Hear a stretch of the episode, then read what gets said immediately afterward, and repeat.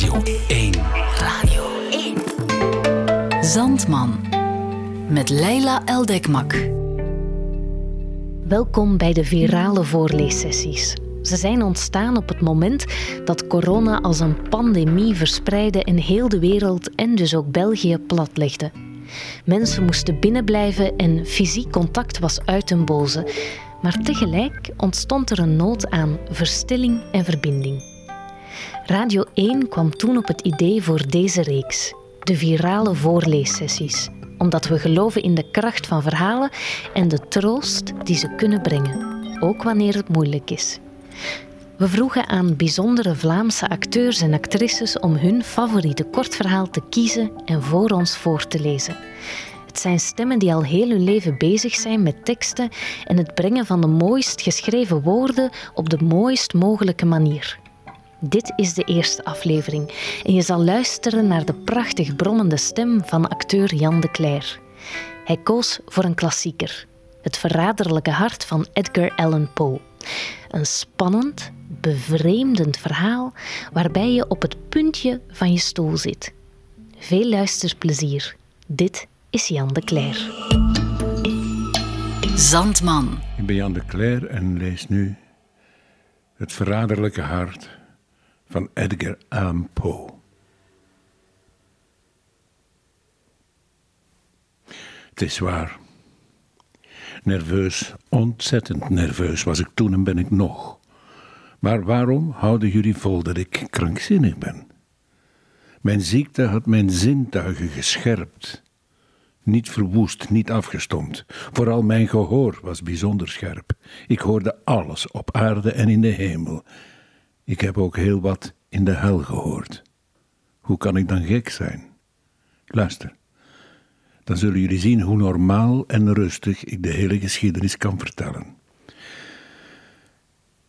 Ik zou onmogelijk kunnen zeggen hoe het idee het eerst bij mij postvatte. Maar toen ik het eenmaal in mijn hoofd had, vervolgde het mij dag en nacht. Ik had er geen bepaalde reden voor. Van haat was geen sprake. Ik mocht de oude man graag. Hij had me nooit iets in de weg gelegd. Hij had me nooit beledigd. Om zijn geld was het mij helemaal niet te doen. Ik geloof dat het zijn oog was. Ja, dat was het. Een van zijn ogen leek op een gierenoog. Een bleek blauw oog met een vlies erover. Telkens als het zich op mij richtte, werd ik er koud van en zo ben ik langzamerhand, heel geleidelijk, tot het besluit gekomen de oude man van het leven te beroven en mij zo voorgoed van dat oog te bevrijden. Let nu goed op, want jullie denken dat ik gek ben, maar gekken weten van niets. Maar dan had je mij moeten zien. Jullie hadden eens moeten zien hoe verstandig ik het aanpakte. Hoe omzichtig, hoe berekenend, hoe huigelachtig ik te werk ben gegaan. Nooit ben ik vriendelijker tegen de oude man geweest dan die hele week voor ik hem vermoordde. En iedere avond tegen middernacht lichtte ik de klink van zijn deur op, heel, heel zachtjes. En als ik hem dan op een kier had gezet, groot genoeg om er mijn hoofd doorheen te steken, schoof ik er een dievenlantaarn door. Helemaal afgedekt, zo goed afgedekt dat er geen straaltje licht doorkwam. En dan pas stak ik mijn hoofd naar binnen. Jullie zouden gelachen hebben als je had gezien hoe slim ik dat aanlegde. Daarna draaide ik mijn hoofd langzaam naar de kant van het bed, heel langzaam, om de oude man niet in zijn slaap te storen. Ik had wel een uur nodig om mijn hoofd zo ver door de kier te krijgen dat ik hem op zijn bed kon zien liggen. Zou een gek zo voorzichtig geweest zijn? En dan, als mijn hoofd goed en wel in de kamer was, schoof ik heel behoedzaam de lantaarn open. Oh, zo behoedzaam, behoedzaam, want het scharnier piepte, zodat er een dun straaltje licht op het gierenoog viel. En dit deed ik zo zeven nachten achtereen, altijd precies om middernacht. Maar Altijd was het oog gesloten. En dan kon ik het werk onmogelijk doen, want ik had niets tegen de oude man. Het was zijn boze oog dat mij ergerde. En iedere ochtend als de dag aanbrak, ging ik rustig zijn kamer binnen en praatte zonder enige angst tegen hem en noemde hem heel hartelijk bij zijn naam en vroeg of hij goed had geslapen. Hij had dus wel een bijzonder achterdochtige oude man moeten zijn om op het idee te komen dat ik hem iedere nacht, precies om twaalf uur, in zijn slaap bespiedde. De achtste nacht ging ik nog voorzichtiger te werk toen ik de deur opende. De grote wijzer van een klok beweegt vlugger dan ik mijn hand bewoog. Ik had nog nooit de onbegrensdheid van mijn macht zo sterk gevoeld. Ik kon mijn gevoelens van triomf nauwelijks bedwingen. Te bedenken dat ik daar bezig was heel langzaam zijn deur open te doen, terwijl hij zelfs in zijn dromen niet kon vermoeden wat ik deed of dacht. Ik moest even grinniken bij die gedachte. En misschien heeft hij dat gehoord, want hij bewoog zich plotseling in bed alsof hij geschrokken was. Nu denken jullie misschien dat ik wegliep. Maar nee, het was stikdonker in zijn kamer, want hij hield de luiken altijd goed gesloten uit vrees voor inbrekers. En daarom wist ik dat hij niet kon zien dat de deur op een kier stond en ik duwde hem verder open, heel langzaam en gestadig.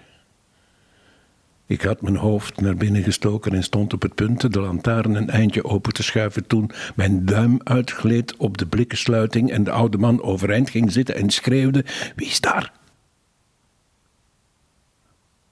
Ik hield me heel stil en zei niets. Wel, een uur lang verroerde ik me niet en al die tijd hoorde ik niet dat hij weer ging liggen. Hij moest nog overeind zitten en luisteren. Net zoals ik nachtenlang heb zitten luisteren naar de doodskloppertjes in de muur. Toen hoorde ik een zacht gekreun en ik wist dat hij doodsangsten uitstond. Het was niet van pijn of verdriet, oh nee. Het was de zachte, gesmoorde klank die van de bodem der ziel oprijst als de ontzetting haar te zwaar drukt. Ik kende dat geluid maar al te goed. Vele nachten, precies om twaalf uur, als iedereen sliep, was het uit mijn eigen borsten opgeweld. Ik zeg dat ik het maar al te goed kende. Ik wist wat de oude man doormaakte en ik had met hem te doen, ofschoon ik heimelijk grinnikte. Ik wist dat hij wakker had gelegen vanaf het moment dat hij het eerste zachte geluid had gehoord en zich in zijn bed had bewogen. Daarna was zijn angst steeds groter geworden. Hij had getracht zichzelf voor te houden dat zijn angst ongegrond was, maar tevergeefs. Hij had tegen zichzelf gezegd: Het is natuurlijk de wind in de schoorsteen. Het zal alleen maar een muis zijn geweest die over de vloer liep. Of het moet een krekeltje zijn dat heel even heeft gechirpt. Ja, hij had geprobeerd zichzelf op die manier gerust te stellen, maar het was allemaal vergeefs. Allemaal vergeefs. Omdat de dood die op hem toekwam zijn zwarte schaduw voor zich uit had geworpen over het slachtoffer heen. En het was de fatale invloed van die onzichtbare schaduw die hem, ofschoon hij niet zag of hoorde, deed voelen dat ik mijn hoofd naar binnen had gestoken. Na een hele tijd te hebben gewacht, heel geduldig, zonder dat ik gehoord had dat hij weer was gaan liggen, besloot ik de lantaarn een klein, een heel, heel klein keertje te openen. En dat deed ik. Jullie kunnen je niet voorstellen hoe stilletjes, stilletjes, tot er eindelijk een zwak straaltje, zo dun als het draadje van een spin, uit de spleet schoot en op het gierenoog viel. Het was open, wijd, wijd open, En ik werd razend toen ik er naar keek. Ik zag het volkomen duidelijk, helemaal fletsblauw met een afschuwelijk vlies erover, dat het merg in mijn botten deed verstijven, maar ik kon verder niets zien van het gezicht of van het lichaam van de oude man, want ik had als bij instinct de lichtstraal precies op de vervloekte plek gericht. En ik heb jullie immers al verteld dat wat jullie voor krankzinnigheid houden niets anders is dan een ongewone scherpte van mijn zintuigen. Welnu, ik zeg jullie dat op dit moment een zacht, dof, jachtig geluid mijn oren bereikte, als van een horloge dat in watten is gewikkeld. Dat geluid kende ik ook goed. Het was het kloppen van het hart van de oude man. Mijn woede werd daardoor nog aangewakkerd, zoals tromgeroffel de soldaat aanwakkert en moed geeft. Maar zelfs nu hield ik me in bedwang en beroerde me niet. Ik ademde nauwelijks. Ik hield de lantaarn doodstil. Ik deed mijn best de lichtstraal zo onbeweeglijk mogelijk op het oog gericht te houden. Intussen nam dat helse geroffel van het hart nog toe. Het klonk aldoor luider en luider en sneller en sneller. De oude man moet buitengewoon bang zijn geweest. Het klonk luider, zeg ik. Ieder seconde luider. Let jullie goed op. Ik heb u gezegd dat ik nerveus ben. Dat is zo. En daar, in het holst van de nacht, in de ontzettende stilte van dat oude huis, overviel mij bij het horen van dat vreemde geluid een onuitsprekelijke angst. Toch wist ik me nog een tijd lang te beheersen en doodstil te blijven. Maar het kloppen werd luider. Luider. Ik dacht dat het hart zou barsten en toen overviel mij nog een andere angst. Een buurman zou dat kloppen kunnen horen. Het laatste uur van de oude man had geslagen. Luid schreeuwend rukte ik de lantaarn open en met één sprong was ik in de kamer. Hij gilde één keer. Eén keer maar. In een oogwenk had ik hem op de grond gesmeten en de zware matras over hem heen getrokken. Ik lachte toen ik zag dat ik het er tot dusverre goed had afgebracht. Maar minutenlang bleef het hart nog gedempt doorkloppen. Daarvan trok ik me echter niets aan. Dat zouden ze nu niet meer door de muren heen kunnen horen. Eindelijk hield het op.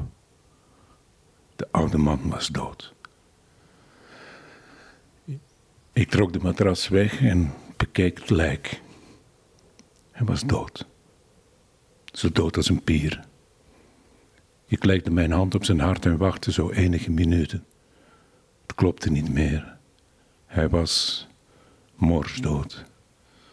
Van zijn oog zou ik geen last meer hebben. Indien jullie nog steeds denken dat ik gek ben, laat ik jullie dan vertellen welke verstandige voorzorgsmaatregelen ik nam om het lijk te verbergen. De nacht liep ten einde en ik deed alles snel, maar heel stil. Eerst heb ik het lijk in stukken gesneden. Het hoofd en de armen en de benen sneed ik eraf. Toen maakte ik drie planken van de kamervloer los en stopte alles tussen de balken. Daarna legde ik de plank er weer op, zo listig, zo knap, dat geen mensenoog er iets bijzonders aan kon ontdekken. Zelfs het zijne niet. Ik behoefde niets op te dweilen, geen vlek, geen spatje bloed. Ik had in een tobbe alles opgevangen. Toen ik klaar was, was het vier uur in de ochtend, zo donker als de nacht. Juist toen de klok sloeg, werd er op de voordeur geklopt.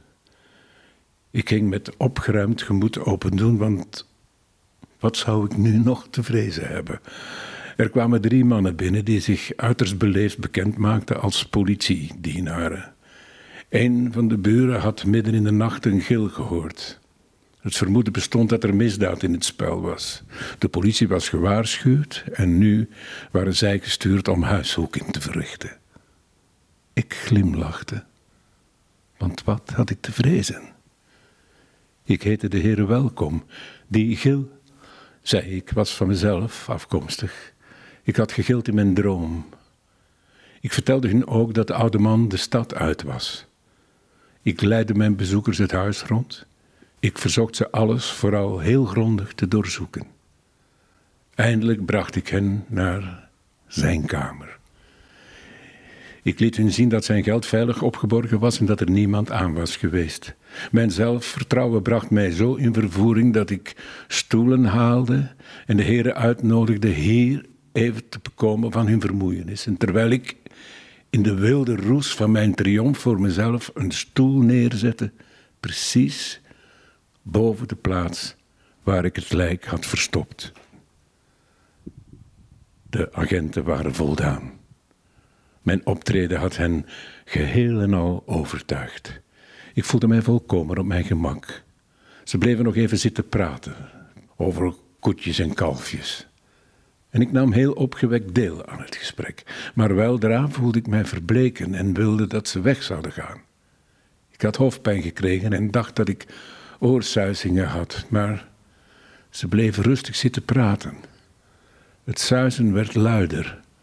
Ik begon nog opgewekter te praten om het gevoel kwijt te raken, maar het hield niet op en het werd steeds duidelijker. En eindelijk drong het tot mij door dat het niet mijn eigen oren zonder enige twijfel was ik nu zeer bleek geworden.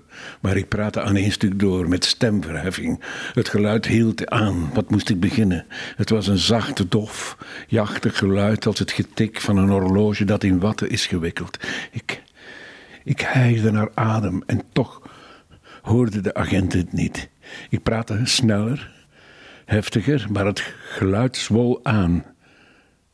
Ik stond op en wijde uit over beuzelarijen zo luid mogelijk en met woeste gebaren. Maar het geluid zwol aan. Waarom gingen ze niet weg?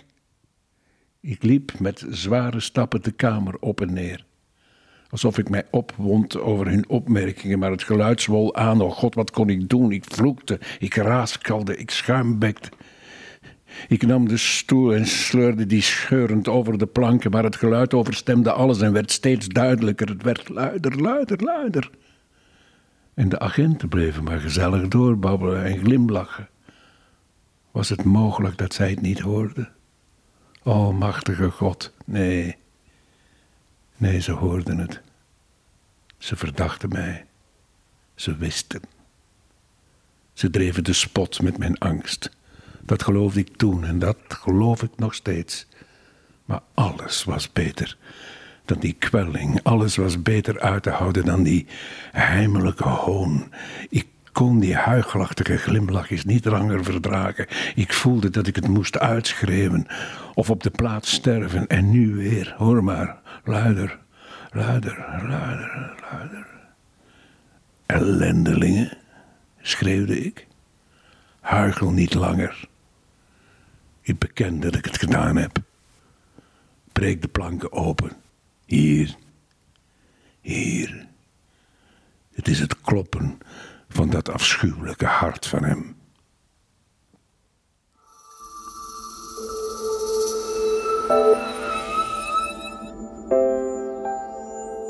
Zandman. De mooiste verhalen voor het slapen gaan. Bestaat er iets mooiers dan voorgelezen te worden door de heerlijke bas van Jan de Cler? Ik denk het niet. Dit was de eerste aflevering van de virale voorleessessies van Zandman, een programma van Radio 1. Meer info vind je op onze website radio1.be. In onze volgende aflevering zijn we er weer met een dijk van een stem en een klepper van een kort verhaal. Dan is het aan acteur Koen de Bouw. Wat hij kiest, ontdek je in aflevering 2.